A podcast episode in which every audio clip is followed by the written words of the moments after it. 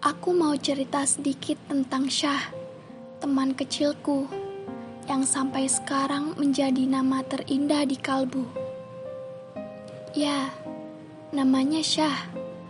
Aku pernah jatuh hati padanya. Aku ingat sekali dulu, Syah rajin sholat maghrib di masjid.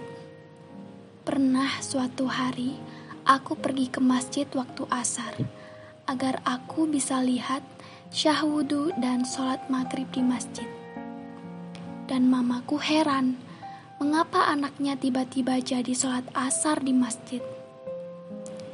Ketika aku lulus SMA, kukira Syah akan melanjutkan di universitas yang sama denganku. Ternyata aku salah. Syah mendaftar kedinasan, yang mana nantinya Syah bisa saja tidak akan berada di kota yang sama lagi denganku. Benar saja, Syah pindah ke Aceh. Sekitar tiga setengah tahun, aku tidak pernah berkabar dengan Syah. Benar-benar tidak berkabar.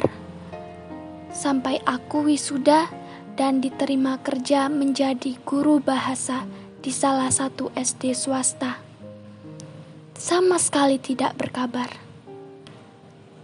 Dan kau tahu, sampai suatu hari ada seseorang melamarku, dan Syah, iya, dia orangnya. Syah hanya sebentar di sini. Selesai lamaran, lima hari kemudian ia harus kembali ke Aceh karena cutinya. Sekitar satu bulan aku menunggu Syah menikahiku, sampai akhirnya orang tua Syah menelponku untuk segera pergi ke Aceh. Hari itu juga aku terbang ke Aceh. Selama di perjalanan mengantarku, ayah dan ibu terus menangis. Aku tahu, salah satunya karena aku pergi sendiri ke sana dengan hanya tameng mental yang kubuat untuk menguati hati, untuk menerima takdir yang baru saja aku terima.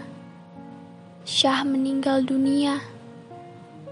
Kau tahu, aku seperti buta, semua putih, semua samar.